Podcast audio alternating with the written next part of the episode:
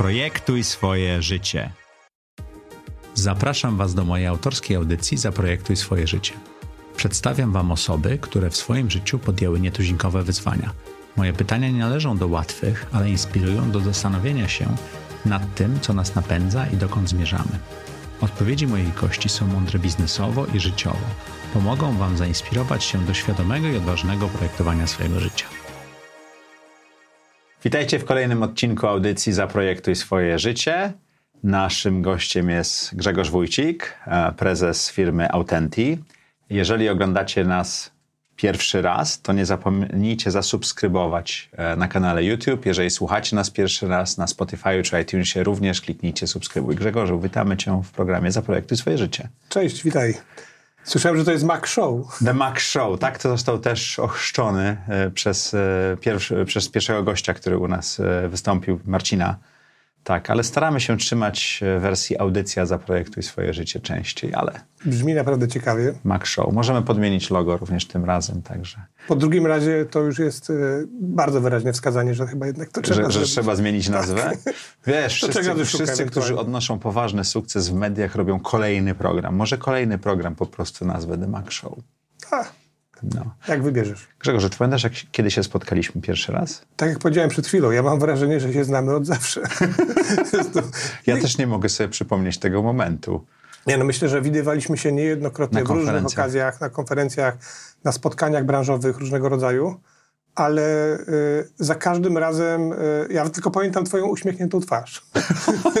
Więc takie to wrażenie jest jak do dzisiaj. No, no dobrze, to dobrze, dobrze, że się A ty pamiętasz?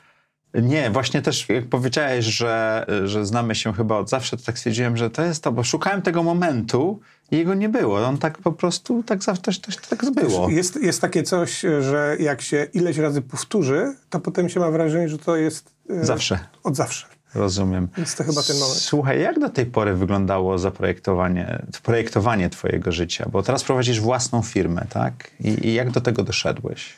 Wiesz, po pierwsze, jak słyszę zaprojektowanie własnego życia, to mam takie wrażenie, jakby ktoś siadł i to naprawdę stworzył, zaprojektował. Niektórzy nasi goście tak robią. Pewnie tak jest, natomiast to na pewno nie jest mój przypadek. Okej, okay, opowiedzmy jest, o twoim, myślę, porozmawiajmy o twoim przypadku. Myślę, że mój przypadek jest e, na pewno niestandardowy. To znaczy faktycznie e, za każdym razem, jak coś robiłem, to było takie połączenie pewnej spontaniczności, e, tego, co przynoszą możliwości różne, no i podejmowania wyzwań, wyciągania y, z tego czegoś, co jest y, ciekawe i podążanie za tym kierunkiem. Ale nie, nie, nie ma czegoś takiego, że siedziałem i sobie myślałem, o tak będzie.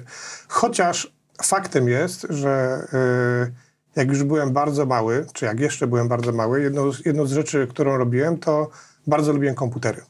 Okay. I te komputery stanowiły dla mnie, a wówczas to były czasy, kiedy te komputery, to pamiętacie, ZX Spectrum, nawet wcześniejszy. Jaki był twój pierwszy komputer? No mój pierwszy komputer to było Atari, ale to był pierwszy posiadany komputer, nie? ale wcześniej to w pracowniach 800 komputerowych. Tak jest. No miałem taki. I wiesz, i to jest tak, że mnie te komputery fascynowały, te algorytmy, to takie programowanie, czyli jakby wprowadzanie w życie czegoś, co tak naprawdę na początku nie istnieje. I to mnie fascynowało. Potrafiłem nawet, e, zanim miałem komputer, siedzieć e, przy książce, z tyłu której była klawiatura i uczyć się pisania na klawiaturze. Aha. Ale to takie, e, takie młodzieńcze fascynacje. Potem... A w jakim języku programowałeś pierwszym? Nie no, pierwszy to był Basic, nie? Okay. Basic to, to były podstawy, ale potem e, próbowałem różnych rzeczy. W zasadzie pierwsze zarobione pieniądze to, e, to napisanie oprogramowania dla firmy, które, okay. które po prostu y, okazało A co to za program był? To była śmieszna historia, bo to był program, ja poszedłem do, y, jestem z Nowego Sącza w ogóle, mm-hmm. więc y, tam w Nowym Sączu była taka świetna firma Optimus, prowadzona przez Romana Kluskę. Ja poszedłem tam jako włas, z własnej woli, jako ktoś, kto się chce czegoś nauczyć. I trafiłem do działu, który zajmował się sprzedażą Windowsów. A to, co było charakterystyczne, to z każdej licencji pozostawały takie kartki papieru. Tak. I te kartki papieru z tymi licencjami, e, oni musieli ewidencjonować. Jak sobie wyobrażasz, tak sprzedaż szła do przodu, to pół pokoju leżało zawalonych kartkami z licencjami. No i ktoś musiał zrobić z tym porządek. Napisałem oprogramowanie służące do ewidencjonowania tych kart, czyli już pierwszej takiej cyfryzacji. I ku mojemu zaskoczeniu e, spotkałem się z, z właścicielem i on się mnie zapytał, na ile wyceniam swoje oprogramowanie. Bo on chciałby kupić je. A ja to zrobiłem tylko dlatego, żeby pomóc chłopakom w pokoju. Tak.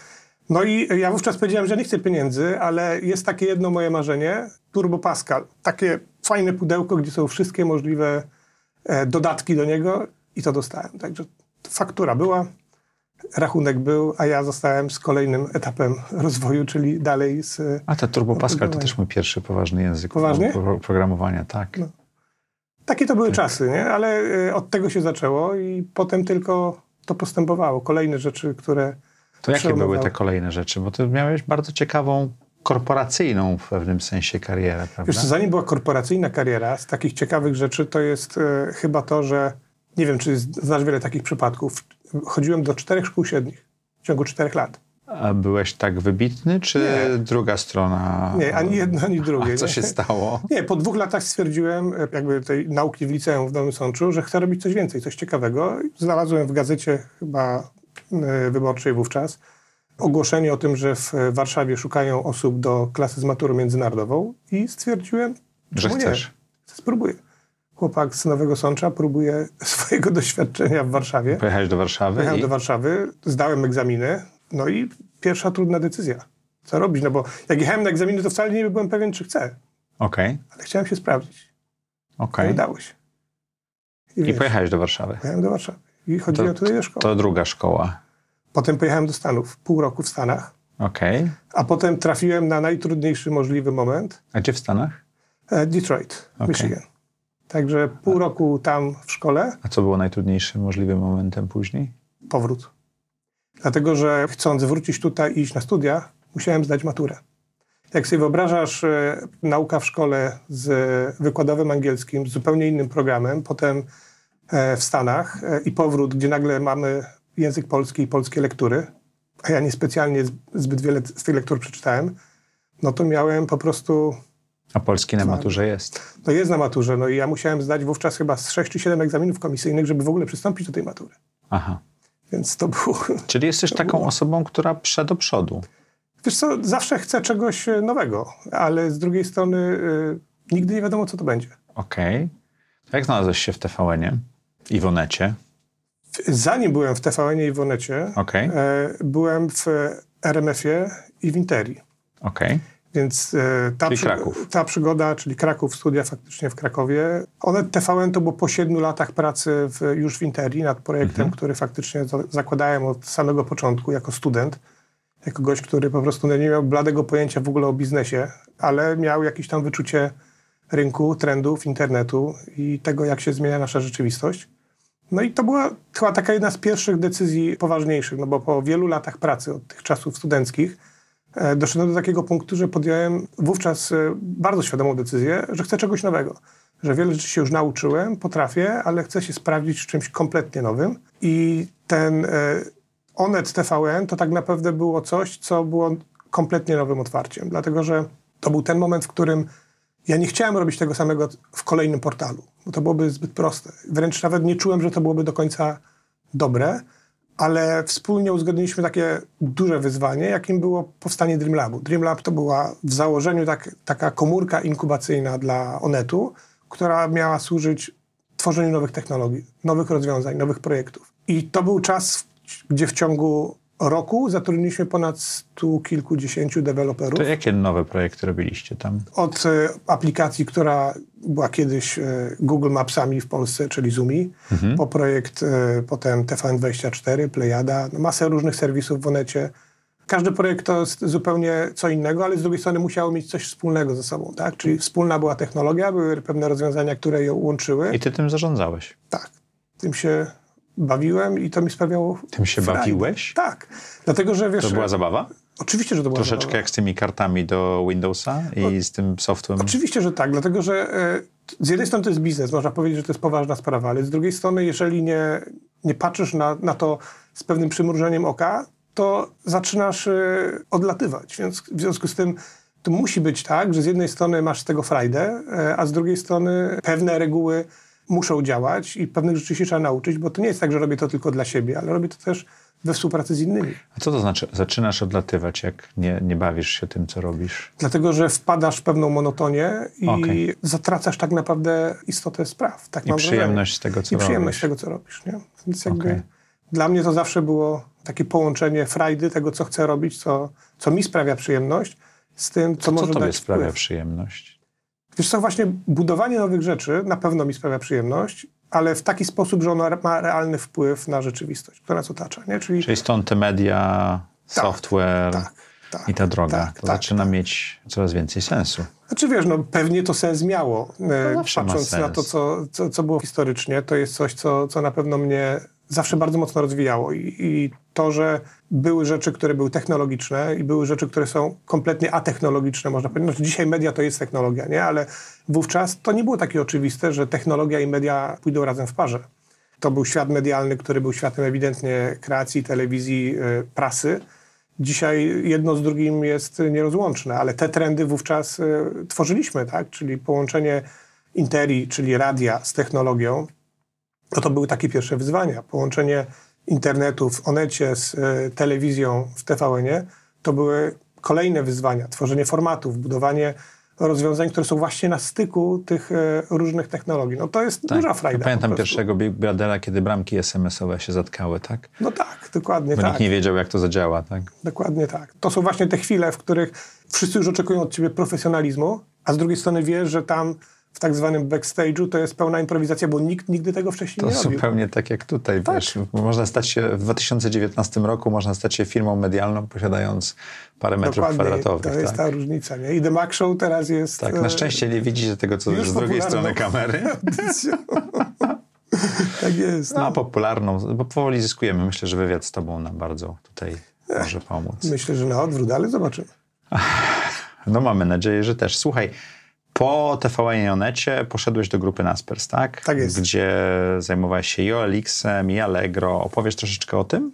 Wiesz co, to była niewątpliwie jedna z e, bardziej fascynujących przygód. E, Z uwagi na Naspersa, czy z uwagi na te dwa Wiele, marki? wiele elementów. Znaczy, po pierwsze, to doświadczenie, które miałem medialno-technologiczne, to było doświadczenie, które jednak operowało na pojęciu szerokiej widowni, mass mediów tak naprawdę, ale nie miało specjalnie przełożenia na portfele. W sensie y, biznesy medialne są generalnie takie, że ktoś inny ogląda, ktoś inny płaci. Nie? Reklamodawcy płacą, a, No tak, a, a reklamę, tak. oglądają. Nie? Allegro, Allegro to jest takie miejsce, gdzie masz połączenie jednego z drugim w jednym miejscu. Czyli te transakcje są tak naprawdę Widzisz pieniądze. istotą. Jesteś Znaczy, może je wi- prawie znaczy, dotknąć. tak? Znaczy widzisz bezpośrednie przełożenie użytkownika z efektem finansowym, Monet- tak. monetyzacją. Nie? To jest zupełnie, zupełnie inna przygoda. A ja tam w ogóle dołączyłem do grupy najpierw jako osoba odpowiedzialna za technologię. Uczyłem się, poznawałem tą firmę od środka. Po czym wszedłem już głębiej w, w ramach grupy, y, zajmowałem się rozwojem międzynarodowym. Już właśnie tym, co poprzednio można powiedzieć, robiłem w Interi czy w Onecie, takim business developmentem. I to było to duża skala, naprawdę. To jest ponad 17 krajów, nie tylko w Europie, ale również poza Europą. To jest y, no, masa różnego rodzaju przyzwyczajeń, które są na każdym rynku trochę inne. Trzeba je poznawać. I też zupełnie inna struktura y, korporacyjna, bo to było kilkadziesiąt spółek w grupie kapitałowej, więc jakby wrzucony w tego typu y, wyzwanie, na początku jesteś naprawdę pod dużym wrażeniem, a potem zaczynasz odkrywać to, że jednak każda decyzja ma bardzo istotne przełożenie. A najciekawsze jest w tym wszystkim to, że decyzja podjęta, taka sama decyzja podjęta w jednym kraju, Zupełnie inaczej działa w innym. zupełnie inaczej działa w innym kraju. Okej. To jest coś dopiero, co, co kręci, nie? Czyli widzisz, że to nie jest kwestia tego, jaką decyzję podejmiesz, tylko to jest kwestia tego, jak zmierzysz to, jak ona działa i czy ją skorygujesz, czy nie. to nie jest tak jak Google, Facebook, że to wszędzie działa tak samo. Oczywiście, że nie. Przecież nie ma jednego Facebooka.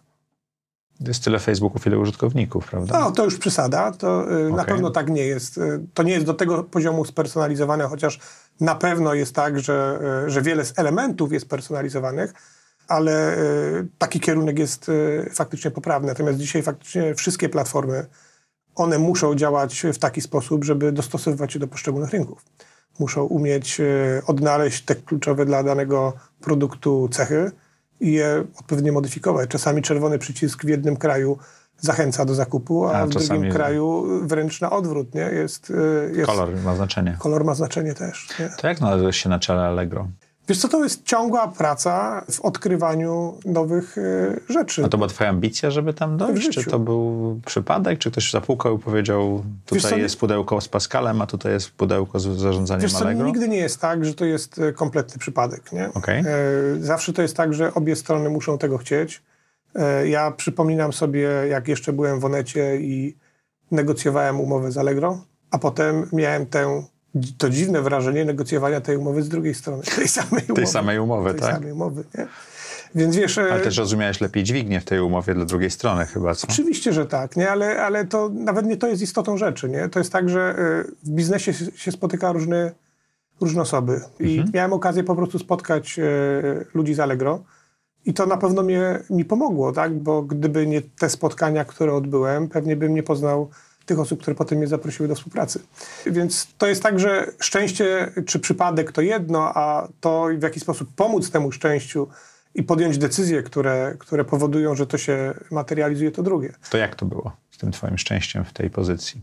Bo to, co, to jest- gruba pozycja. To tak, ale to jest, to jest przede wszystkim kwestia tego, że chciałem i pracowałem nad tym, żeby lepiej rozumieć to, co się dzieje w grupie, nie? żeby pomagać realnie w tym, w jakim kierunku ta grupa powinna pójść. Nie? Więc dużo rozmów, dużo dyskusji, czasami walka na, e, na argumenty, kto kogo przekona do jednej czy drugiej wizji. Wiesz, no to jest tak, że zresztą sam dobrze wiesz, w dużych organizacjach jest, e, jest tak, że pewne rzeczy są oczywiste, a pewne rzeczy są kompletnie nieoczywiste i je trzeba wypracować. I to czasami zaskakujące są te są rzeczy. no, zazwyczaj, ja, ja to nazywam tak zwanymi przełomowymi decyzjami. Są, są takie decyzje, które trzeba podjąć yy, i bywa, że 80% ludzi, którzy cię otaczają, są przeciwko. Tak.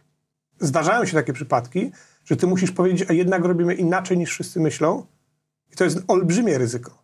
Olbrzymie ryzyko. Dla organizacji i dla ciebie, jako Oczywiście, lidera, tak? Oczywiście, ale wiesz, jeżeli robisz e, w to, co wierzysz, to się z tym czujesz dobrze. Jeśli robisz to, w co nie wierzysz, to nigdy w tym nie będziesz dobry. Więc A podejmowałeś wygląda. taką trudną decyzję? O nie jedną. A jakąś taką, która zapadła ci mocno w pamięć?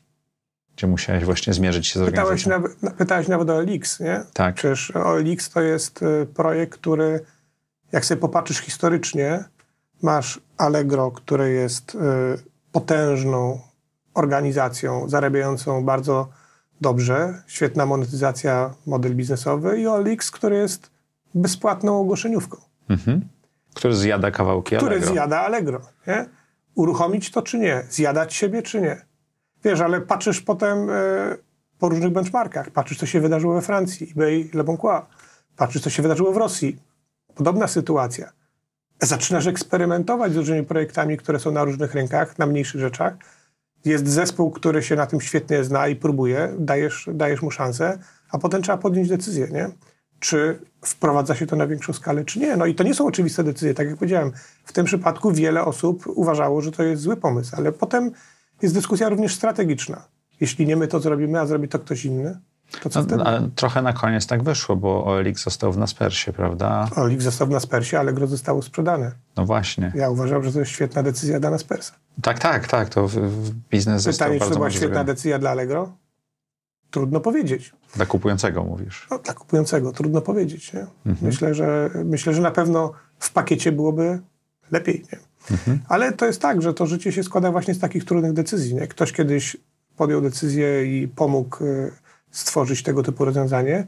I to jest niewątpliwie kwestia tego, że było tam sporo osób, które po prostu miały talent. To przecież wiadomo, że ja uczestniczyłem w podejmowaniu tych decyzji, ale realnie pracę wykonywały osoby, które były temu poświęcone w 100%. Ale to jest bardzo dnia. mądra decyzja i trudna. Jeżeli nie my, to, to, to ktoś inny to zrobi, prawda? Tak. Tak, ale wiesz, to też jest kwestia skali, nie? którą trzeba e, podjąć. Ile projektów ogłoszeniowych poprzednio upadło? Tak. Więc są pewne modele biznesowe, które nie działają, jak nie mają skali. Po prostu. One mogą być najlepsze na świecie, Ale a muszą jeśli mieć skalę. ale muszą mieć skalę. Ale żeby tą skalę wytworzyć, trzeba mieć know-how, jak to zrobić. I Często- pieniądze. I ludzi. I pieniądze, i ludzi, ale wiesz, ale przede wszystkim know-how. Żeby ten know-how mieć, to nie jest kwestia, że go kupisz. Po prostu musisz ileś razy popełnić błędy i się nauczyć na nich, nie? Nie ma innego wyjścia. Mhm.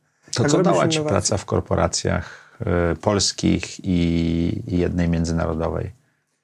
Na pewno dała mi dużo pewności siebie, w takim rozumieniu, że jak startujesz i mierzysz się z tematem, który, który jest duży, to masz takie wrażenie, że kurczę, jestem małym człowiekiem, a tu jest wielka machina, nie?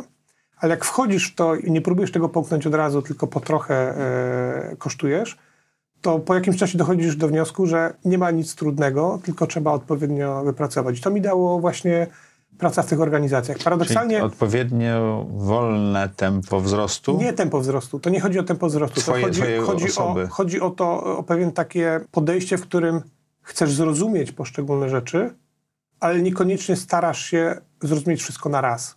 Bo to, okay. bo to nie jest tak, że jest jedno rozwiązanie. Tak jak powiedziałem w, przy, w przypadku tego Allegro. Wychodzisz, wiesz, robisz jeden portal, wiesz, jak robi się jeden portal, robisz drugi portal i widzisz, jakie są różnice między dwoma portalami. Więc jakbyś robił trzeci portal, pewnie byś zrobił go zupełnie inaczej. Już nie A tu jeszcze międzynarodowe czasu, rynki i tak A tutaj dalej. jeszcze międzynarodowe rynki. Więc to jest tak, że gdyby chcieć wyjść z doświadczeniem z jednego projektu, produktu do drugiego, no to można bardzo dużo błędów popełnić. A próbując zrozumieć, jak wygląda od środka coś kompletnie nowego, powoduje, że zupełnie inaczej do tego podchodzisz, z pewnym takim nastawieniem, że pewne rzeczy trzeba fizycznie spróbować, wyeksperymentować i dopiero się wtedy okaże, jakie one są naprawdę. Mhm. Ale wiesz, jasne, to, to były duże organizacje, ale Interia na początku to przecież był startup, on powstawał od zera, od pierwszych, e, ja byłem jedną z pierwszych osób, która w ogóle zajmowała się tym projektem. Więc y, korporacje to jest takie trudne słowo, bo, bo to jest... No bo Interia stała się korporacją. Bo Interia się stała korporacją. Wiesz co, teoretycznie każdy startup, jeśli nie stanie się korporacją, to znaczy, że nie osiągnął tego celu. Nie odniósł sukcesu. Nie odniósł sukcesu. Więc y, to jest ciekawe, ale wiesz, w dużych organizacjach jest o tyle ciekawiej, że masz zazwyczaj dużo większe pole manewru. No, bo jest więcej marży, więcej przychodu, więcej ludzi, więcej, więcej zasobów, bezpieczeństwa. Więcej no. zasobów, więcej możliwości. Mhm. I to jest ciekawe. Ale jak zaczynałeś Interię, to, to nie było przecież wtedy takiego słowa i nikt nie mówił o startupach. Wtedy się firmę Oczywiście. zakładało, prawda? Oczywiście, zakładało się firmę, tylko wiesz, jest różnica założyć firmę, która od razu przynosi zysk. A Interia przynosiła od razu zysk? Nie. Okej, okay. czyli to był startup. To był typowy startup. To jest firma, która e, weszła na giełdę mając straty. Okej. Okay. Tak jak Uber w tej chwili. Tak, tylko wówczas, e, e, wówczas musieliśmy dostać zgody na złamanie wszystkich podstawowych zasad. Żeby wejść na giełdę. Żeby wejść na giełdę. Więc to jest tak, że oczywiście sprzyjał nam pewien klimat, ale to było budowanie kompletnie czegoś nowego. Więc to był taki startup w rozumieniu i kompletnie nowego modelu biznesowego ludzie słowo internet e, nie rozumieli, bo mylili z internatem, nie? No, bo bardzo podobne słowo. Przecież druga rzecz, ludzie nie wiedzieli w ogóle, jak to jest możliwe, że mi sprzedajecie coś, czego ja nie widzę. Nie no, reklama to jest coś, co przecież... Proszę wydrukować, tak? E, reklama to jest billboard, które, którego widzę, to jest gazeta, e, którą mogę przeczytać, to jest telewizja, którą mogę zobaczyć, nie? a wy sprzedajecie coś, co nie istnieje. To jest wirtualne. No, dzisiaj wszyscy wiemy, jak wygląda rzeczywistość cyfrowa i dla wszystkich to jest codzienność, nie? Wówczas tak nie było. I to są ciekawe rzeczy, nie? Że, że jakby wprowadzanie takiego modelu biznesowego, który jest kompletnie nieznany, to jest często mierzenie się właśnie z tymi doświadczeniami innych osób, jak one go postrzegają. Tak, a mówi się, że kiedyś było łatwiej, to wcale tak nie jest. Koszty były dużo większe. Ja, Myślę, ja pamiętam, jak pracując zawsze. w Delu jeździłem do Interi, sprzedawałem serwery na, na kontenery praktycznie, a to były multimilionowe Wiesz, zamówienia. Znaczy, to, jest ta, to, jest, to jest zasadnicza różnica, kiedy się okazuje, że robisz firmę, gdzie większość kosztów stanowią opłaty dla TPSA. To nie było tak, że sobie możesz faktycznie uruchomić więcej z użytkowników, ciach, poszło dalej, nie? Podkręcasz tam jeden parametr albo wręcz samo rośnie, nie? Nie. Trzeba było z wyprzedzeniem zaplanować, ile serwerów trzeba kupić, nie? Tak. Zupełnie inne czasy. Ale wiesz, nawet jak się czasy zmieniają, nawet jak się technologie zmieniają, chyba najtrudniejszą rzeczą to jest to wykrywanie tych trendów, czyli jakby patrzenie tego, jak ludzie reagują na, na produkty, które się oferuje. No to bardzo ładnie teraz przejdziemy płynnie. To wykryłeś pewien trend, rozumiem, i postanowiłeś zrobić swoją firmę. W pewnym sensie tak. Czy to firma postanowiła zrobić e, z tobą biznes? Jak to wyszło? Nie, no, firma... Skąd się wziął pomysł na Authentic? Nie jest tak, że był jeden pomysł. To Aha. jest tak, że to było wiele różnych rozmów z różnymi osobami. Motywacja była taka, że ja wewnętrznie wiedziałem, że na pewno kiedyś w historii przy czym nigdy sobie nie, nie projektowałem, kiedy to będzie, jak to będzie. Będę chciał spróbować zrobić coś znowu, od zera, coś nowego, coś ciekawego. No ale zawsze jest pytanie, a co to będzie, nie? Mhm. I wiesz, i to jest I to masa... coś zapukało do twoich drzwi? Nie, masa rozmów, nie? Rozmowa z jednym z, z aktualnych wspólników, Bartek, prawnik, i rozmawiamy o tym, co podpisy elektroniczne w sensie cyfryzacji mogą zmienić. Tylko patrzysz na to, że te podpisy elektroniczne w regulacjach istnieją od nastu lat nikt z nich nie korzysta, nie? Ale rozmawiamy o tym, co jest możliwe, co jest ważne, jak do tego podejść i wychodzi jedna perspektywa, nie? Rozmawiasz z inną osobą, która się zajmuje technologią, która widziała niejedno rozwiązanie i odkrywasz kolejny obszar, już tym razem techniczny, jak te podpisy działają, jak to funkcjonuje, jak to, jak to tak naprawdę się tworzy od podstaw, nie? I również zaczynasz odkrywać, dlaczego to nie działa, nie? Rozmawiasz z osobą, która kompletnie jest z innej branży i jest potencjalnym e, klientem, klientem nie? I słuchasz, co ta osoba by myślała o tym. Więc wiesz, masę takich rozmów, ale które, skąd ta które się branża? pojawiają. Ale skąd ta branża, dokładnie. Nie? Więc jakby to jest element faktycznie jedyny, który jest przemyślany. Jak się rynek rozwija, to widać pewne trendy. Cyfryzacja jest pewnym oczywistym trendem. Dzisiaj nie ma takiego... cyfryzacja dokumentów w Polsce jest bardzo do tyłu, prawda? Tak, też. Y, ale y, jesteśmy jednym ze słabiej rozwijających się krajów w tym mhm. obszarze. Ale co jest ciekawe, to jest to, że wszystkie dokumenty dzisiaj, wszystkie powstają cyfrowo. A po co je do tej pory drukujemy i wysyłamy papierowo? I pieczątkę, podpis. I pieczątkę i wszystkie inne rzeczy. Prawda, że Panie to jest, nie zaakceptuje, czy, czy jak jest, nie zrobię Czy pieczątki. to nie jest oczywiste, że robimy rzeczy, które są absurdalne? Że drukujemy to wszystko nie. dalej? Nie? Nie, nie? Myślę, że dla większej części, biurokratycznej części naszego kraju. Świetnie. I pięć lat temu, pięć lat temu... To było jeszcze ciekawiej. Faktury elektroniczne. Jak wyglądały? No tak, że każda księgowa, nawet jak dostała fakturę elektroniczną, to ją drukowała. musiała ją wydrukować. Czy dzisiaj, kiedy kilkadziesiąt procent faktur jest elektronicznych, to jest problem? Zmieniło się?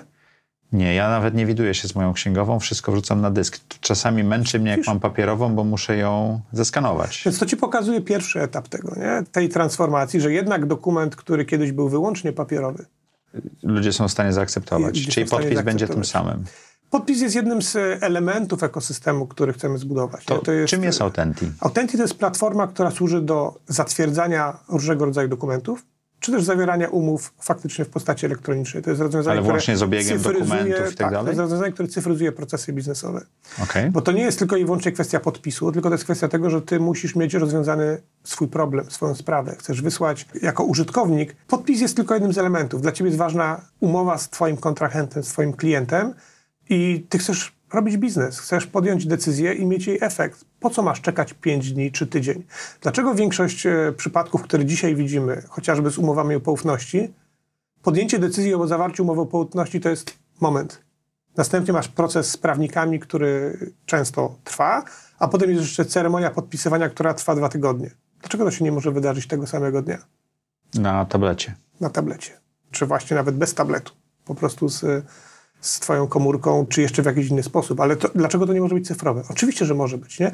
Ale to jest jakby odkrywanie tego, że budujemy rozwiązanie, które w pełni zastępuje dotychczasowy proces. I to zastąpienie tego procesu jest o tyle ciekawe, że ono niekoniecznie jest kopią tego, co znamy z poprzedniego procesu. Nie? To wiem, że nie projektowałeś, bo już mówisz o tym kilka razy, ale jak wyglądał ten twój proces wyjścia z pracy w dużej, międzynarodowej korporacji, bo to chyba tak mhm. trzeba powiedzieć, i ruszenie ze swoim biznesem. Mówisz, że masz wspólników, jakich dobrałeś, skąd wziąłeś pieniądze, gdzie biuro. To, to wszystko są takie decyzje, które trzeba podjąć, prawda? Przede wszystkim e, ja już pracując w korporacji wiedziałem, że będę chciał wcześniej... Wyjść? E, nie tyle wyjść, ale na pewno będę chciał robić nowe rzeczy. I myślę, że paradoksalnie, tak dzisiaj mogę powiedzieć, e, robiąc to, o czym za chwileczkę powiem, popełniłem więcej błędów niż we wszystkich korporacjach razem wziętych, nie? robiąc własne rzeczy, pomimo doświadczenia, które posiadałem. Zacząłem od tego, że ten projekt, y, o którym tutaj mówimy, powstał jako typowy projekt RD, zlecony w outsourcingu. Technologia powstała, wszystko było. Nie było najważniejszego. Spółki? Nie było, nie, tam spółka to jest techniczna sprawa, nie? Nie było zespołu. Okej. Nie było zespołu, nie było ludzi, którzy mogą to pociągnąć. A Gdzie ten projekt powstał? Projekt powstał w, w Poznaniu. Okej. Technologia powstawała w Krakowie. A to był taki początek. Nie? To się działo przy okazji twojej To pracy się, działo ciągle. przy, to się działo przy okazji mojej pracy, ale oczywiście za zgodą, y, za Mhm. zgodą osób, z którymi pracowałem y, w grupie. I to był typowy projekt R&D. On wyprzedzał również, jeśli mówimy o Polskę, wówczas ten moment, kiedy w ogóle była powszechna możliwość w ogóle zaakceptowania tego. A więc też myśmy stworzyli to rozwiązanie, pokazali go na rynku i okazało się, że wcale nie jest takie atrakcyjne.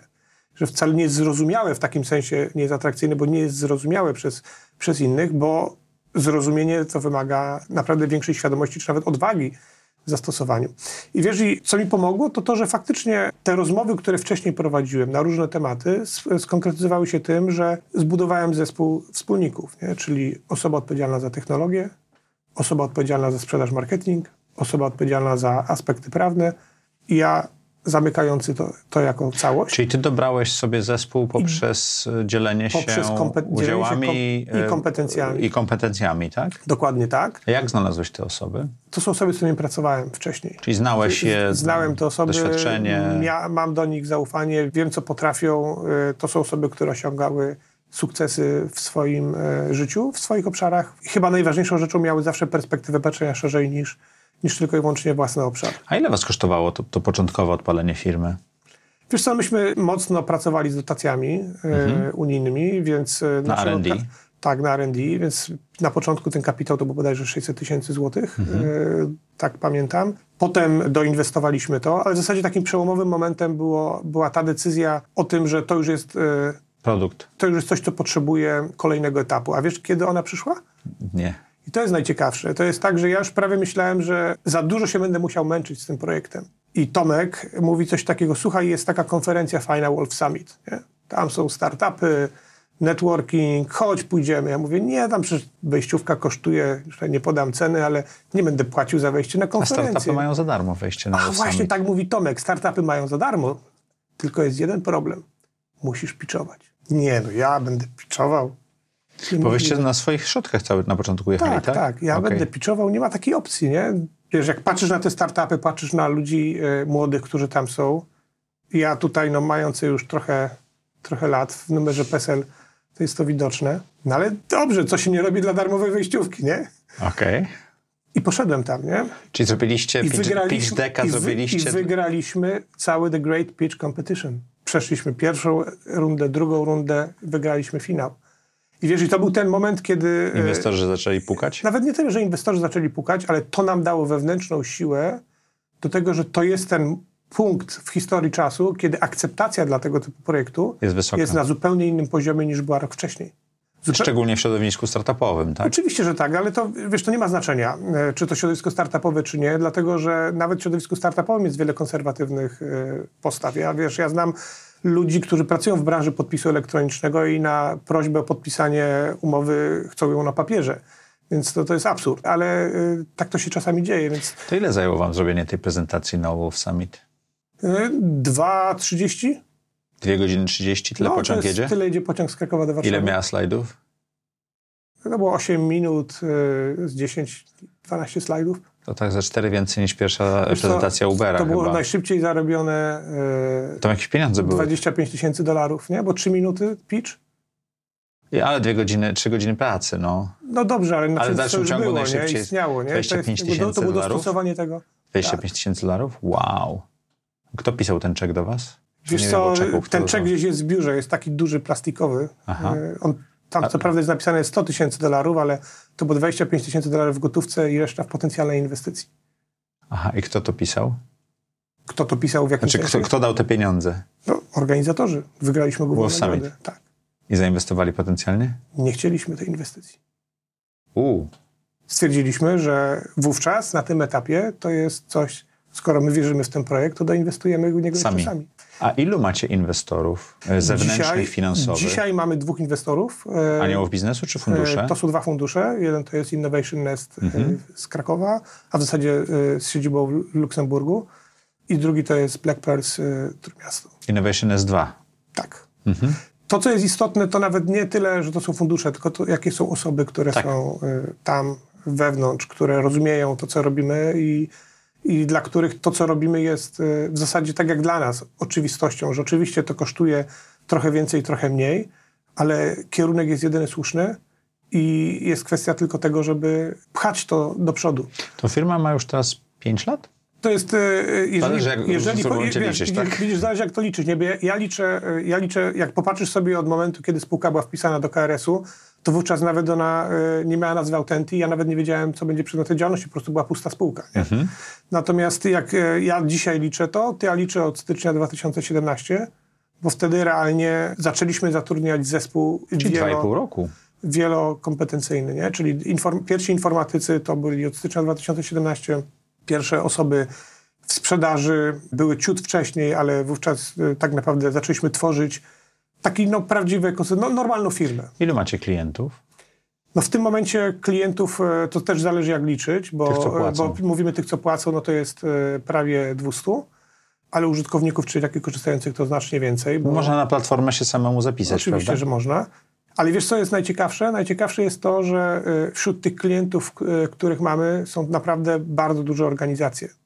Firmy, które uwierzyły również w ten potencjał, który Na my przykład? dostrzegaliśmy. Bank BNP Paribas.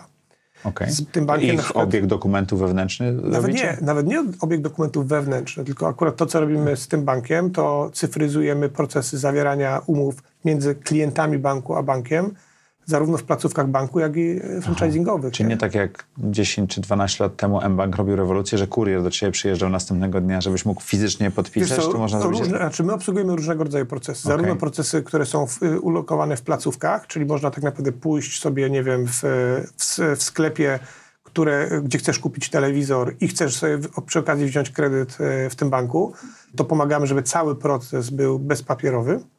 No i to jest produkt, który jest w tym momencie rolowany do sieci 10 tysięcy punktów w całym kraju. Już kilka tysięcy punktów z tego korzysta i to jest tylko kwestia Punktów czasu detalicznych. punktów, e, tak, takich, takich punktów. A z drugiej strony to też są procesy zdalne, prawda? Bo te procesy, które są w punktach, to był świetny punkt, e, moment startu, ale też mamy coraz więcej umów zawieranych typowo na odległość. Nie? Do tego dochodzą kolejne... Ale przy pomocy Appu czy waszych? Nie, e, wszystko- waszych? wszystko- To w oparciu Jak o- wiecie, że kim jest ta osoba z drugiej strony, która zawiera umowę? W przypadku banku jest to y, proste. Akurat bank tutaj ma własne procedury i musi y, samodzielnie weryfikować tożsamość klientów, ale są rozwiązania dotyczące identyfikacji tożsamości, które również wintegrowujemy w naszą platformę i można z nich również y, Korzystać. korzystać. Tak. Ale wiesz, to co jest najistotniejsze, to jest, y, to jest tym, tym wszystkim y, to, że my załatwiamy faktycznie od początku do końca proces, nie? czyli wiesz, z jednej strony jest technologia, która to umożliwia, a z drugiej strony jest środowisko prawne, które też bardzo mocno rozczailiśmy, w jaki sposób to powinno działać, żeby to było bezpieczne i dla nas, i, i dla naszych klientów, i dla klientów naszych klientów. Ale pracujesz nad tym piąty rok. Spółka działa, dwa, dobrze liczę, tak? Tak. Spółka Firma działa, działa raczej. firma działa dwa i pół roku, w sensie tym takim już zawiązanym z inwestorami i tak dalej. Co ci to teraz daje? To jest dobre pytanie, bo tak jak ci powiedziałem chwilę wcześniej, chyba naprawdę tyle porażek, ile zaliczyłem przy okazji realizacji tego projektu, to się nie wydarzyło wcześniej w moim życiu. W sumie nawet. w sumie nawet. Mówię o biznesowych aspektach. Więc to jest tak, że to mi daje z jednej strony poczucie takiego dążenia do celu, które jest bolesne, bo się mierzysz z tymi wszystkimi przeciwnościami, ale z drugiej strony jak osiągasz te poszczególne cele, które sobie wyznaczysz, to to ci daje olbrzymią satysfakcję.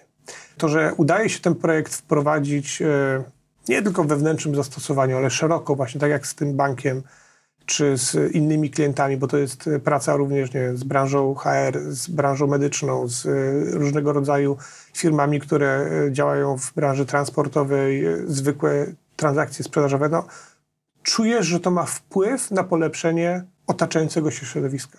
No, papieru nie drukujemy, tak? Przy okazji, nie? Ale to sprawia, że, że to sprawia tobie osobistą satysfakcję. Wróciłbym do tych porażek.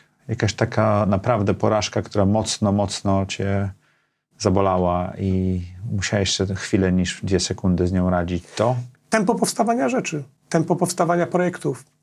Wiesz, nie jesteś w wielkiej korporacji, i się nie, wydaje, nie wydarza w ten sposób? To czy, nawet nie, czy to, nawet nie, o to chodzi? to nawet nie o to chodzi, wiesz. Technologia? E, To bardziej chodzi o to, że jest przepaść pomiędzy robieniem technologii, którą widać, że istnieje, a technologii, która jest dobra i spełnia pewne standardy. Wiesz, jak, jak robisz startup, to w dużej mierze wiele osób się koncentruje na interfejsie użytkownika, na tym, co widać, nie? Jak robisz rozwiązanie, które ma działać dla banku, To wszystko jest z tyłu. to większość jest z tyłu, nie? I tego nie widać kompletnie, nie? Ten cały compliance, który jest z tyłu, kosztuje, nie? To jest to, że ty możesz sobie ulokować to na własnych serwerach, potem się okazuje, że co z tego, jeżeli nie masz odpowiednich dokumentów, które świadczą o tym, że pewne normy są spełnione, żeby był Bezpieczny serwer. bezpieczny serwer, bezpieczne rozwiązanie. Nie? Więc jakby to powoduje, że my od momentu, kiedy była koncepcja, czyli teoretycznie działające rozwiązanie, do momentu, kiedy mamy to rozwiązanie dzisiaj, które jest na zupełnie innym poziomie technologicznym, można powiedzieć, że zużyliśmy te dwa lata z hakiem, nie? Zużyliśmy, bo mi się wydawało, że mamy gotowe, nie? A dopiero w trakcie odkrywania tego wejścia w ten świat To cierpliwość jest tym, co się nauczyłeś? Coś innego? Myślę, że cierpliwość to na pewno, ale wydaje mi się, że chyba ważniejsze w tym wszystkim było to, że od nowa się musisz uczyć zespołu, z którym pracujesz. Ale zatrudniałeś go, dobierałeś go, to czemu musisz się go uczyć od nowa? Dlatego, że robisz rzeczy i ty masz swoje 20 lat doświadczenia i wydaje ci się, że to powinno być tak, tak i tak. Pracujesz z osobami, które mają też różne inne doświadczenie i Też okazuje lata. się, i też lata, i okazuje się, że to będzie jednak inaczej. I musisz to połączyć. Musisz to pogodzić. Musisz wziąć na siebie to, że no, nie jest tak, jak ty do końca chciałeś, nie? To co daje ci praca na, na swoim? Nie wiem, czy jest jakaś duża różnica, czy to jest na swoim, czy Nie, na nie cudzym. czujesz tej różnicy? Tylko czuję tyle, że pracując we własnej organizacji, ja nie mam tego wsparcia tak silnego, jak miałem w korporacjach. Bo ty jesteś tym wsparciem, Bo tak? y, nie, bo to jest tak, że musisz wiele rzeczy robić też samodzielnie, bo nie masz jeszcze zbudowanej tej infrastruktury, która cię otacza. Mhm. Wiesz, jak to jest w korporacji. Y, potrzebujesz prawnika? Ciach, masz trzech prawników, nie? którzy pracują tam i możesz ich zapytać. Potrzebujesz osobę od finansów? Ciach, masz tam cały dział, który się tym zajmuje. Nie? Potrzebujesz y, osobę, która się zajmie tym? Puch, masz to wszystko, nie? Tutaj Owszem, teoretycznie można było to wszystko powstać, tylko było to było 10 razy bardziej kosztowne. Więc jakby też budujesz trochę organicznie, a więc y, trochę musisz mieć więcej cierpliwości do osób, które też uczą się razem z tobą. Bo nie wszystko potrafią tak samo dobrze, jak ci, którzy są w tych największych korporacjach. Ale z drugiej strony mają świeże spojrzenie też, nie? Więc to jest tak, że paradoksalnie y, bym powiedział, zarządzanie dużą korporacją jest rząd wielkości łatwiejsze niż budowanie własnej firmy. A tu na dodatek jeszcze musisz, y, gdzieś tam inwestujesz własne pieniądze w to wszystko i zaczynasz być tym też związany emocjonalnie. Dużo bardziej. I finansowo, I finansowo, i życiowo. i życiowo. To po co to robić? No, słuchaj, nie masz wsparcia, ryzykujesz własne pieniądze, musisz pracować więcej, nie wychodzi to tak dobrze, same porażki. Po co to robić? D- dokładnie to samo ci pytanie mogę zadać w zakresie The Mac Show. No ale ja, poczekaj, ja pierwszy zadałem pytanie, ja mogę za chwilę odpowiedzieć. Słuchaj, no zmieniasz rzeczywistość, to cię kręci po prostu, to mnie kręci, nie? To jest takie, wiesz, e, po prostu przyjemne, no, że to jest e, trudne, ale najlepiej smakuje właśnie przezwyciężenie tego wszystkiego i, i pokazanie, że się udało. To nie jest istotne, ile było porażek. Pytanie, ile było sukcesów, nie? I, i czy te sukcesy były większe niż te porażki. I na razie ten bilans jest e, bardzo na Pozytywny. plus. Tak, tak. Skąd nazwa Autenti? To też było dużo e, wewnętrznych dyskusji. No przecież, że spółka była bez nazwy, czy tam z jakąś inną nazwą. Tak, nazwa autent... Nie, to było wymyślona po prostu, tak jak... e, Ale nie tak jak u Steve'a Jobsa, że jak nikt nie trafi na lepszą do 17, to firma będzie nazywała się Apple, tak? Nie, nie, to było inaczej. Faktycznie było ileś tam nazw do wyboru, ale wiesz co było najtrudniejsze? Kupienie domeny. Ktoś już ją miał? Oczywiście. Okej. No, także to... to Ile było kosztowała was domena? Niedużo. Ale najwięcej to kosztowała zachodu. Żeby ktoś chciał ją sprzedać. Tak, Bo macie .com, prawda? tak jest. Wiesz, no, to jest tak, że gdyby ten ktoś wiedział, co robimy, pewnie by cena była wielokrotnie większa, nie? Więc y, na tym polegała cała sztuka, żeby przekonać osobę, która jej posia- tą domenę posiada i niekoniecznie ją używa, Używa. żeby sprzedała to w rozsądnej cenie. Okej. Tak to wygląda. Teraz jak jesteś przedsiębiorcą, który prowadzi własną firmę, która zatrudnia ile osób? W tym momencie około 40 osób. 40 osób, ma 200 klientów, małych, wielkich. Jak wygląda twój typowy dzień? Bardzo zależy od tego, jaki to jest dzień. Ja dni dzielę na te, kiedy jestem w biurze i te, kiedy jestem po prostu poza biurem. Typowy dzień, kiedy jestem w Krakowie, bo akurat tam mhm. jest nasza w tym momencie centrala, to jest y, taki, że po prostu zazwyczaj zawożę dzieci rano do szkoły. W momencie, kiedy zawiozę córkę, to zaczynam jeszcze będąc w samochodzie y, pracować? Pracować, w sensie telefon? telefon, tak, tak. Już pierwsze, pierwsze kontakty, wymiana wiedzy y, z poprzedniego dnia, jeszcze jakieś wnioski, przemyślenia. No a potem w biurze, jak to w biurze? Ja jestem osobą, która bardzo dużo lubi rozmawiać. Mniej siedzę przy komputerze i, i wypisuję wszystkie Czyli rzeczy. management by walking around? Tam nie ma dużego walking around, bo wielkość jest zupełnie inna, więc wiesz, walking around to, to, to dosłownie kilka pomieszczeń, tak. Okej, okay. no, tak. startup. Startup, nie? Jest bardziej kwestia po prostu tego, że wiele rzeczy w startupie musisz zrobić też samodzielnie, nie? Tak jak w dużej organizacji praktycznie wszystko jesteś w stanie zdelegować. Czyli rozmawiasz tak. z dużo ludźmi, robisz dużo spotkań? Spotkania, tak. Czy unikasz spotkań? Nie, właśnie lubię spotkania. Okay. Czasami, czasami wiesz. Trzeba, za bardzo? Czasami trzeba uważać, żeby te spotkania były konstruktywne. Tak. W sensie, żeby nie zabierały za dużo czasu. Każda godzina. A jak długie macie spotkania? Zawsze godzina? Różnie, to zależy od celu. Spotkania są albo warsztatowe i wtedy pracujemy nad konkretną rzeczą, dopóki jej nie, nie zrealizujemy, i są spotkania, kiedy jest to typowa komunikacja. Trzeba ustalić, co jest do zrobienia, co kto zrobi i na kiedy będzie. A nie robicie modnych w Silicon Valley spotkań na stojąco, żeby szybciej było? Nie, też są stand-upy codziennie, oczywiście, że tak. A czy macie Harley stand-upy rano? Tak, ale wiesz, no, z drugiej strony to nie chodzi o format, bo to format y, jeden lepszy, drugi gorszy. A o co chodzi? Chodzi o to, żeby zespół wiedział, co ma robić. I te rzeczy, które są do wyjaśnienia wróciły do ciebie, do, do innych członków zespołu i żeby je rozwiązać, te to problemy. kontynuując twój dzień, o której kończysz pracę? No, ostatni rok jest bardzo trudny, bo... Yy... O której wychodzisz z biura? Może to będzie prostsze pytanie. No, widzisz, 18, 19, okay. 20, ale czasami 17. A pracujesz w domu wieczorem jeszcze też? Bywa, często.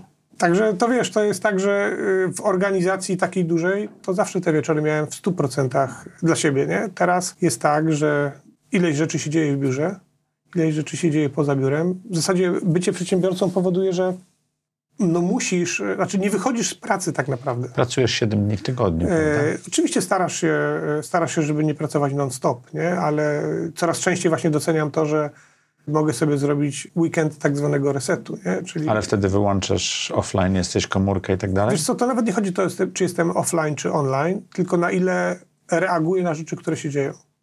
Czyli możesz być online, bo jak się naprawdę wydarzy coś poważnego, to musisz zareagować. Ale wiesz, największa pokusa jest taka, że widzisz tego maila i chcesz na niego od razu odpowiedzieć czasami naprawdę dużo y, kosztuje energii. energii takiej wewnętrznej. Dobra, nie zostaw, to może poczekać do poniedziałku, nie? A co daje ci najwięcej energii czy satysfakcji w życiu?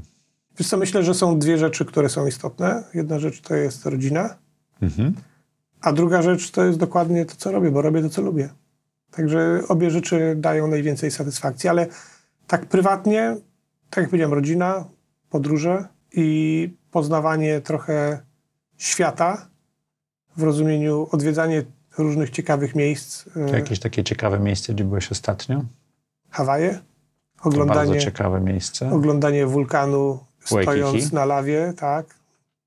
Kilauea, tak? To są takie momenty, kiedy potem pamiętasz je, że ty tam byłeś, widziałeś to od wewnątrz i to cię jakoś tam też buduje pozytywnie. No wiesz, no wczorajsza tragedia w Paryżu. I zupełnie inaczej ją odbierasz, jeśli byłeś tam. Tak. Jeśli na tym budynku, e, z, te, z dachu tego budynku widziałeś całą panoramę Paryża. A zupełnie inaczej byłoby, gdyby to po prostu była kolejna kartka, jakich wiele jeszcze jest. E, do, do wysłania. Tak. tak. Gdzie musisz pojechać, kupić, nakleić znaczek i wysłać, tak? tak, tak, tak. To bardzo ciekawe. Jaką najlepszą decyzję podjąłeś w życiu? Myślę, że wszystkie najlepsze decyzje to są decyzje o zmianach. To znaczy takie, w których wychodzisz ze swojej strefy komfortu i wchodzisz w nieznane. Bo to buduje cię wewnętrznie, czyli to było na pewno wtedy, kiedy, jak powiedziałem, podjąłem decyzję o zmianie szkoły. To było wtedy, kiedy z Interi, czyli miejsca, gdzie budowałem to od zera, byłem z tym związany emocjonalnie, podjąłem decyzję, że dla rozwoju osobistego chcę robić coś więcej. I to na pewno była decyzja, w, mówię o tych biznesowych oczywiście. Tak które, e, która dotyczy właśnie powstania Authenti. Nie? Bo to są takie momenty, kiedy wchodzisz w kolejny obszar niepewności i nie masz żadnej gwarancji, co się wydarzy. Nie? Ani pełnej świadomości, w co wchodzisz chyba. Wiesz co, powiem więcej. Gdybym wiedział, w co się pakuje, byś w to nie wchodził? to bym w to pewnie... e, No nie, to trudno powiedzieć, czy bym w to nie wchodził, ale na pewno bym w to wszedł zupełnie inaczej. To jak inaczej wszedłbyś teraz w Autenti? Myślę, że od samego początku bym budował zespół, a nie robił projektów R&D w, e, Okej. W outsourcingu. Chociaż niewykluczone jest, że w kontekście tego, co doświadczyłem, może to była dobra decyzja, nie? Ale wiesz, to jest, to jest kwestia tego typu, że to była decyzja oparta o to, że z jednej strony coś chcę zrobić, ale z drugiej strony wówczas nie chciałem jeszcze porzucać e, tego, co, e, co robię na co dzień. Więc e, to jest tak, że jest to taki moment, w którym wydaje się, że jeśli podejmujesz decyzję, że w coś wchodzisz, to musisz w to wejść na 100%. Znaczy bardzo trudno jest zrobić dwie rzeczy dobrze naraz. Nie jest możliwym prowadzenie własnej firmy przez dłuższy czas, będąc w korporacji na przykład, prawda? To jest niemożliwe. Tak. Znaczy, ja bym powiedział- wymaga Znaczy, wiesz, to- całego ciebie. Znaczy to jest tak, że każdy projekt, jaki realizujesz, o ile to nie jest po prostu dodatkowe jakieś tam zadanie, to wymaga takiego zaangażowania. Wiesz, możesz pracować jako menadżer grupy spółek w holdingu, ale póki masz świadomość tego, że taka jest twoja rola, to jest zupełnie inna perspektywa, niż jak wchodzisz z założeniem, że okej, to biorę dowolną z tych spółek w portfelu, jestem za nią w 100% odpowiedzialny. Wtedy to się zaczyna zupełnie inna dyskusja. Jedno i drugie jesteś w stanie teoretycznie robić, ale nie jesteś w stanie poświęcić 100% umysłu tylko i wyłącznie na, na, na ten projekt, to prawdopodobnie nie jesteś w stanie y, osiągać ponadprzeciętnych efektów w tym projekcie. To kontynuując z czasownikiem robić, czy jest coś, co mógłbyś przestać teraz robić, co dałoby ci, poprawiło twoje samopoczucie albo spowodowało twój rozwój? Chyba mógłbym przestać y, tyle jeść. To by poprawiło twoje samopoczucie? No na pewno, wszyscy, wszystkie podręczniki tak mówią, nie? Okej. Nie no, w sensie takim, że wiesz, to co ja widzę na Facebooku, to widzę masę osób, które co chwilę pobija, pobijają rekordy w maratonach, w, w różnego rodzaju dyscyplinach sportowych. To jest coś, czego nie robię dzisiaj, a mógłbym, nie? A to tak algorytm układa twój feed. Lajkuj to mniej, lajkuj więcej y, kucharzy i Tak będzie mówisz? zupełnie inaczej, tak? Mówisz? Nie, więc wiesz, to jest kwestia tego, e, tak jak mówię, no mogę, pewnie mógłbym wychodzić e, szybciej z pracy, Przestać robić, Przestać. nie zacząć robić. przestać robić. Może powinienem przestać tyle gadać i zadać sobie jakieś pytanie, żeby było To, niekonwencjonalne. to, nie jest, to nie jest konwencja tego pyta, tego show. Spokojnie. Może na koniec dojdziemy do pytań. Do czego dążysz teraz? Teraz e, koncentruję się głównie na tym, żeby ten projekt, czyli Autenti, Mhm. poprowadzić na kolejny etap rozwoju. A co to jest kolejny etap, etap rozwoju? to jest, e, to jest etap ewidentnie międzynarodowy. To jest to, co, co znam z Allegro. To jest to, co, co wiem, jak wydaje mi się, że wiem, jak, jak powinno wyglądać, ale z drugiej strony wiem, że odkryję w czasie tego, co planuję, masę nowych rzeczy. No tak jak mówiłeś, każdy kraj to będą inne wyzwania. Każdy kraj to nowe wyzwanie, więc to jest coś takiego, co ewidentnie chciałbym mocno zrealizować i to jest dokładnie ten moment, którego się z jednej strony bardzo boję, e, bo, bo nie wiem, czego, co mi może e, spotkać, ale z drugiej strony strasznie się na niego cieszę, bo wiem, że to będą kolejne przełomowe rzeczy. Istnieje taka koncepcja, że jesteśmy takimi osobami, jakimi się otaczamy. Że to najbliższe na to, otoczenie nasze, 4, 5, 7 osób, które jest bardzo blisko nas, powoduje, że stajemy się takimi osobami.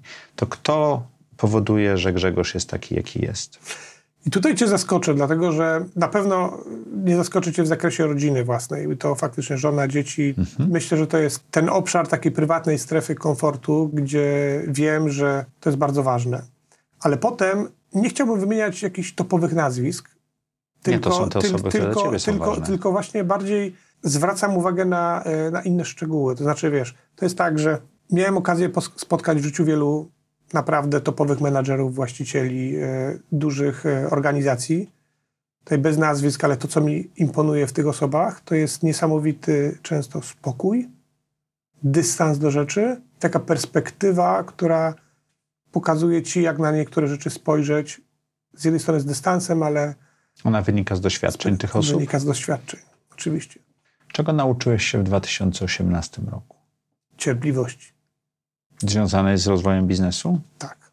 Chciałbym, żeby wszystko było dwa razy szybciej. Wychodzi, że jest nie tak, jak chciałem. Z drugiej strony to i tak jest znacznie szybciej niż inni by tego oczekiwali, więc jest ok. Ale nadal wychodzę z tego pierwszego założenia, że powinno być znacznie szybciej i muszę coś z tym zrobić, nie? A jak można kogoś nauczyć cierpliwości? Ja nie wiem, czy jest jakiś jeden sposób konkretny, żeby nauczyć cierpliwości, ale to są takie drobne rzeczy, jak na jednej z prezentacji, którą zrobiłem na konferencji, gdzie tak podsumowałem mniej więcej, co się wydarzyło w Authentic, był taki jeden slajd, nie? który mhm. brzmiał Failures happen all the time. Mhm. Porażki Wraca... zawsze się zdarzają, tak? O, zdarzają się notorycznie, są non-stop, są częścią jakby oczywistą tego, co robisz. Wracasz do firmy i widzisz, że ten slajd, ten jeden slajd z 30-minutowej prezentacji wisi na szybie. Tak. I wchodzisz i mówisz, kurczę, dlaczego ten projekt nie jest zrobiony jeszcze? I koniec dyskusji, tak? Koniec dyskusji, nie? I uczysz się, nie? Ale oni to powiesili dlatego, żebyś ty widział, czy co? Oczywiście, no, a myślisz, że, a myślisz, że żeby... Czy nie tylko ty możesz na zewnątrz o tym mówić, ale wewnątrz musisz sobie z tego też dać sprawę, Muszę tak? też dać sobie z tego sprawę, nie? Że, że to są rzeczy, nad którymi nie ma do końca... Nie, nie każdy ma nad tym y, kontrolę, nie? Ale wiesz, y, to na przykład mnie trochę nauczyło, że moja perspektywa często niekoniecznie się zgadza z perspektywą innych. Trzeba wypośrodkować czasami, a czasami trzeba znaleźć takie obszary, w których nie ma miejsca na kompromis. Czasami musi być tak, że robisz, chcesz tak i musi być tak. Bo jeżeli czujesz, że to jest ta przełomowa decyzja. A jak wtedy wpływasz na zespół, żeby tak było? Bardzo różne sposoby są, ale zazwyczaj jest to rozmowa. Znaczy wiesz, żadna decyzja, która jest podjęta zupełnie arbitralnie, nie działa tak skutecznie, jak decyzja, która jest wypracowana. Natomiast zdarzają się też przypadki, że trzeba podjąć decyzję w 100% arbitralną i, i wiesz, i na koniec dnia to jeśli jesteś właścicielem swojego biznesu, bierzesz za nią odpowiedzialność pełną. A trzy rzeczy, które chciałbyś robić za trzy lata, to? To jest bardzo trudne pytanie, bo jakbym je bardzo dobrze znał, to już byś je robił? To bym już pewnie robił teraz, nie? Okej. Okay. Ale wydaje mi się, że czuję się dość komfortowo, w takim sensie, że e, na pewno chciałbym jeszcze więcej podróżować, ale to nie jest coś, co ja mam zrobić za trzy lata, tylko ja Przez trzy lata czy przez trzy lata, nie? To, to chciałbym dalej robić. Chciałbym dokładnie czerpać z tych inspiracji, które ewidentnie... A jakiś kierunek tej podróży, który jeszcze nie zrealizowałeś? Nie jeden kierunek. Myślę, że to jest tak, że cały Bayer polega na tym, żeby odwiedzać bardzo różne kierunki, również okay. tymi kierunkami, których się nie spodziewasz. Więc y, jedna, druga Ameryka, Azja, wiesz, to jest tak, że jak miałeś okazję być y, w kilku miejscach na, na naszej ziemi, to wiesz, że ta różnorodność jest bardzo duża. Tak. I to daje nieprawdopodobną inspirację, jeśli poznajesz kompletnie nowe środowiska i jeśli obserwacje, które tam widzisz, jesteś w stanie wykorzystać potem u siebie, to to jest chyba najciekawsze. Nie? Więc ja, ja chciałbym dalej podróżować, e, oglądać rzeczy i sprawia mi dużo przyjemności, jeśli robimy to wspólnie z rodziną, z dziećmi, bo to też pokazuje, jak młodsze pokolenie reaguje na na rzeczy, które e, dla nas, osób, które mają trochę więcej doświadczenia, czasami są oczywiste, a dla nich niekoniecznie. Więc to, to, to, to bym na pewno chciał robić. No w biznesie to, to tak jak powiedziałem, chciałbym faktycznie doprowadzić naszą, naszą firmę do tego, żeby ona działała absolutnie na skalę międzynarodową, żeby była liderem w branży, w której funkcjonujemy. W taki sposób, aby realnie to miało przełożenie na życie każdego Europejczyka. Znaczy ja naprawdę wierzę w to, że w ciągu najbliższych kilku lat nasze rozwiązanie może zmienić rzeczywistość w całej Europie. I tego wow. się trzymam. Wow. No to tak trzy lata? Tak. To niecierpliwy jesteś. Może, właśnie przecież o tym rozmawialiśmy. W tak zwanych OKR-ach, nie? Powiedziałem sobie, że do 2025 roku chciałbym, żeby w Autentii było 100 milionów dokumentów miesięcznie. Wow. Czy to jest możliwe? Absolutnie. No więc właśnie, jeśli to jest możliwe, to, to zróbmy to. Nie? Szczególnie z geometrycznym przyrostem, tak? Bo Wszystko jest możliwe, nie? Zdobywając Tylko... jednego klienta, zdobywasz wszystkie jego dokumenty, czy tam po, po części pewne procesy rozwijasz tak dalej. Tak, tak? No, ale wiesz, to jest, y, wiesz, najciekawsze w tym wszystkim jest to, że tu trzeba wyjść w jakiś sposób poza strefę własnego komfortu. I nigdy nie wiesz, jak ona wygląda, ale to, co jest ciekawe, to jest to, że spotykam na swojej drodze wiele ciekawych osób, które mają odmienne doświadczenia od mojego i wielokrotnie się okazuje, że naprawdę przełomowe doświadczenia. Wiesz, to jest tak, jak rozmawiamy sobie z różnymi mentorami, którzy coachują zespoły, ale też byli doświadczonymi menadżerami w firmach i on ci zadaje pytanie takie, słuchaj, co sądzisz o tym, żebyś wyoutsourcował swój zespół sprzedaży? Okej. Okay. Mówisz, no nie, przecież to jest korowa kompetencja w organizacji. Mówi, dobra, jutro pogadamy. Nie? Następnego dnia przychodzi do ciebie i mówi, popatrz się, chcesz osiągnąć y, ten rezultat, który masz, tak? Te 100 milionów. Te 100 milionów, dobra. To ile ci zajmie, żeby w danym kraju twoje rozwiązanie było popularne? Dobra, coś tam liczysz, kombinujesz, pada jakaś tam deklaracja, dobra. A teraz zrób tak, ile czasu ci zajmie, żeby to zadziałało w pięciu krajach w tym samym czasie? I co musisz zrobić, żeby to osiągnąć? A co jeśli chcesz, żeby to było w 17 krajach, a w Unii Europejskiej jest Tutaj, 27 krajów. No, T minus. T minus 198 no dzisiaj. Właśnie. Nie, więc 27 e, lub 8, ale w Europejskim Obszarze Gospodarczym trochę więcej, nie? Co zrobić, żeby w tym czasie było... W, w, e... Musisz znaleźć partnera, który ma tam musi, zasięg już, nie? To znaczy, że musisz inaczej budować sprzedaż, niż tak. ci się wydaje. To znaczy, że musisz budować modele biznesowe, które spowodują, że to się wydarzy. A więc to nie jest kwestia tylko tego, że że my chcemy zrobić jakąś tam technologię, wdrożyć u jednego, czy drugiego, czy trzeciego klienta, to jest to, że my musimy naraz zbudować kilka rzeczy. My musimy zbudować i wewnętrzną gotowość, i musimy budować zewnętrzną gotowość. I szerokość, i głębokość. I szerokość, i głębokość. Nie? To jest to, że dzisiaj pracujemy e, już z kilkoma operatorami europejskimi, budujemy partnerstwa międzynarodowe. Kto jest takim operatorem do takiego biznesu? To są bardzo różne możliwości, bo jeśli myślisz o szeroko pojętej dystrybucji naszego rozwiązania, mhm. to to są zarówno partnerzy, operatorzy, którzy już dzisiaj się zajmują podpisami elektronicznymi, ale brakuje im pewnych technologii, które mogą świetnie uzupełnić ich, e, e ich produkty. Ich, ich produkty zintegrować się z, się z nimi po to, żeby zbudować razem w typowym partnerstwie. Czyli wystawiacie API. Tak jest, oczywiście. To jest jeden kierunek. Z drugiej strony jest masa różnych firm, które no, mają setki tysięcy klientów, którzy są gotowi do tego, żeby podpiąć po prostu nasze okay. rozwiązania. Ale wiesz, to jest tak, że zawsze musi zatrybić kilka rzeczy naraz. Czasami ta rozbieżność w czasie może być niewielka, ale jednak mimo wszystko to musi zafunkcjonować w miarę w podobnym czasie. Więc jakby to są wyzwania, które mam. Wracając do tego, jak wyoutsourcować swój zespół sprzedaży. No nie chodzi o to, żeby go wyoutsourcować w 100%. To nie ma kompletnie sensu, bo jednak gdzieś kompetencje muszą być, ale akurat ten człowiek mi pokazał, jak zamiast zespołu sprzedaży w jego organizacji był zbiór osób, które zajmują się coachowaniem zewnętrznych organizacji do sprzedaży ich produktów. I w ten sposób możesz I przyspieszyć. w ten sposób mogli przyspieszyć. Nie? Użyłeś OKR-ów, używacie e, tego skrótu, używacie OKR-ów? Oczywiście. Wytłumaczysz, co to jest i skąd się to u was wzięło? Objectives and Key Results, czyli mhm. nastawienie się na konkretny cel, który jest twoim marzeniem. Cel musi, Ten być, objective, tak? cel, cel musi być ambitny, to znaczy cel musi być taki, żebyś miał poczucie, że nie da się go zrealizować z jednej strony, jak się na niego popatrzy pierwszy raz, ale jak za drugim raz i trzecim raz popatrzysz, to znaczy, że jest to wykonalne, jak sobie zrobisz tak zwany reverse engineering i ten, i ten reverse engineering polega na tym, że sobie wypisujesz, jakie są kluczowe rezultaty, jakie trzeba osiągnąć, żeby ten cel osiągnąć.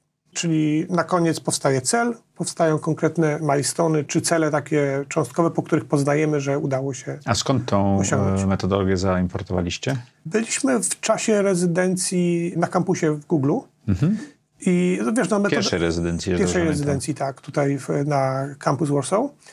No metodologia jak metodologia znowu, nie? Bo to można było o niej przeczytać nieraz w książkach, tylko że sama metodologia, jak sobie przeczytasz w podręczniku jednym czy drugim, to jest po prostu kawałek e, czyich przemyśleń, ale jak porozmawiasz z konkretnymi osobami, które stosują to w praktyce, to zaczyna być wtedy e, mieć to sens. Nie? Więc dlatego mówię, 100 milionów dokumentów do 2025 roku. Jak sobie popatrzeć dzisiaj, to dalej mówię, że to jest ciężko osiągalne, ale potem jest tak, że jeśli nawet osiągnąłbym 60% tego, to jestem zarobisty. To jest niesamowity. Nie? Mierz ale, gwiazdy, ale, ale, co, ale, ale, ale, co to oznacza? Dokładnie, nie? Ale co to oznacza? Znaczy, że zespół, który pracuje wewnątrz Authentii, on musi wiedzieć, że infrastruktura musi być, musi być skalowalna. Dokumentów. Musi być skalowalna, czyli nie musi dzisiaj obsługiwać 100 milionów dokumentów, ale jeżeli będę chciał, to znaczy, że jesteśmy w stanie szybko dostosować się tak, żeby te 100 milionów dokumentów ekonomicznych A to jest ważne, zakresie jak działało. Soft. To jest bardzo ważne, nie?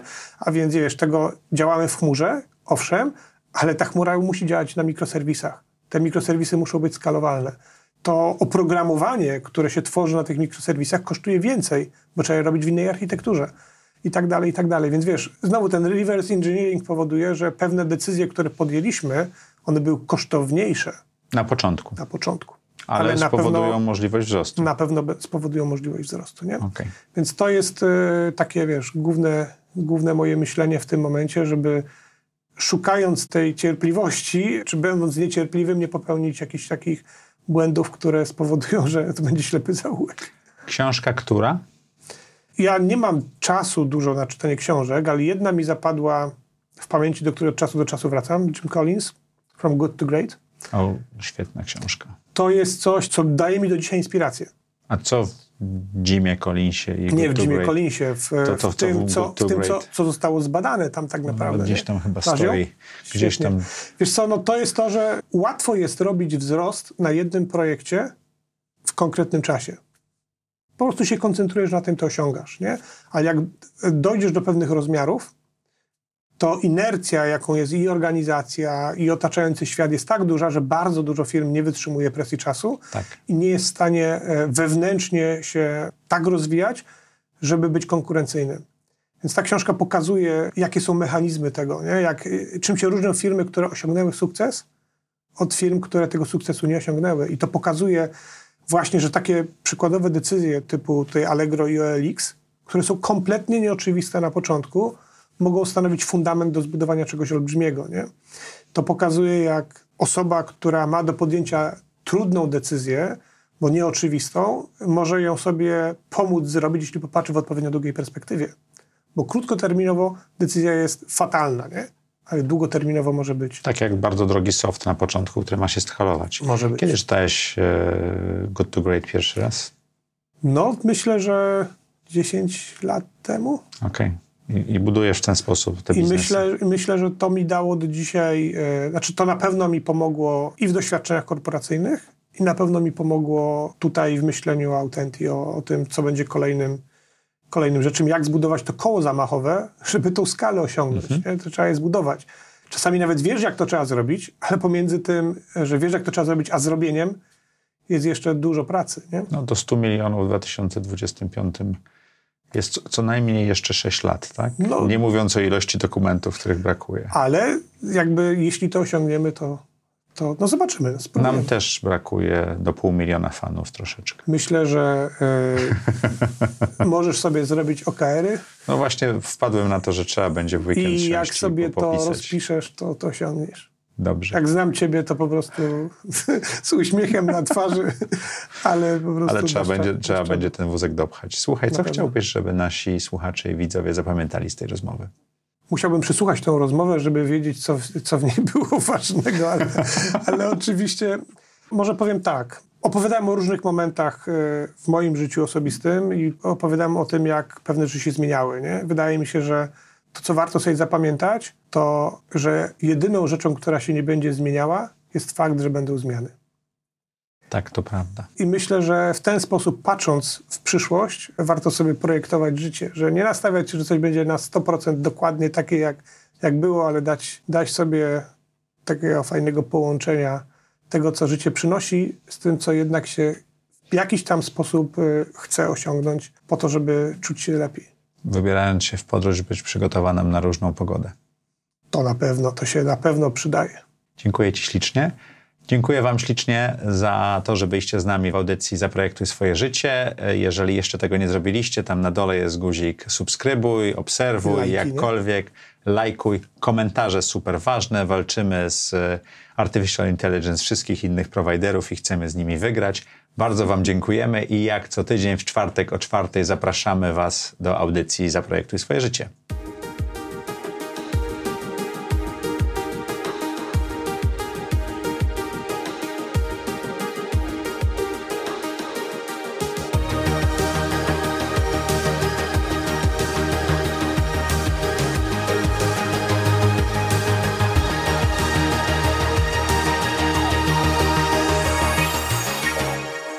Zaprojektuj swoje życie.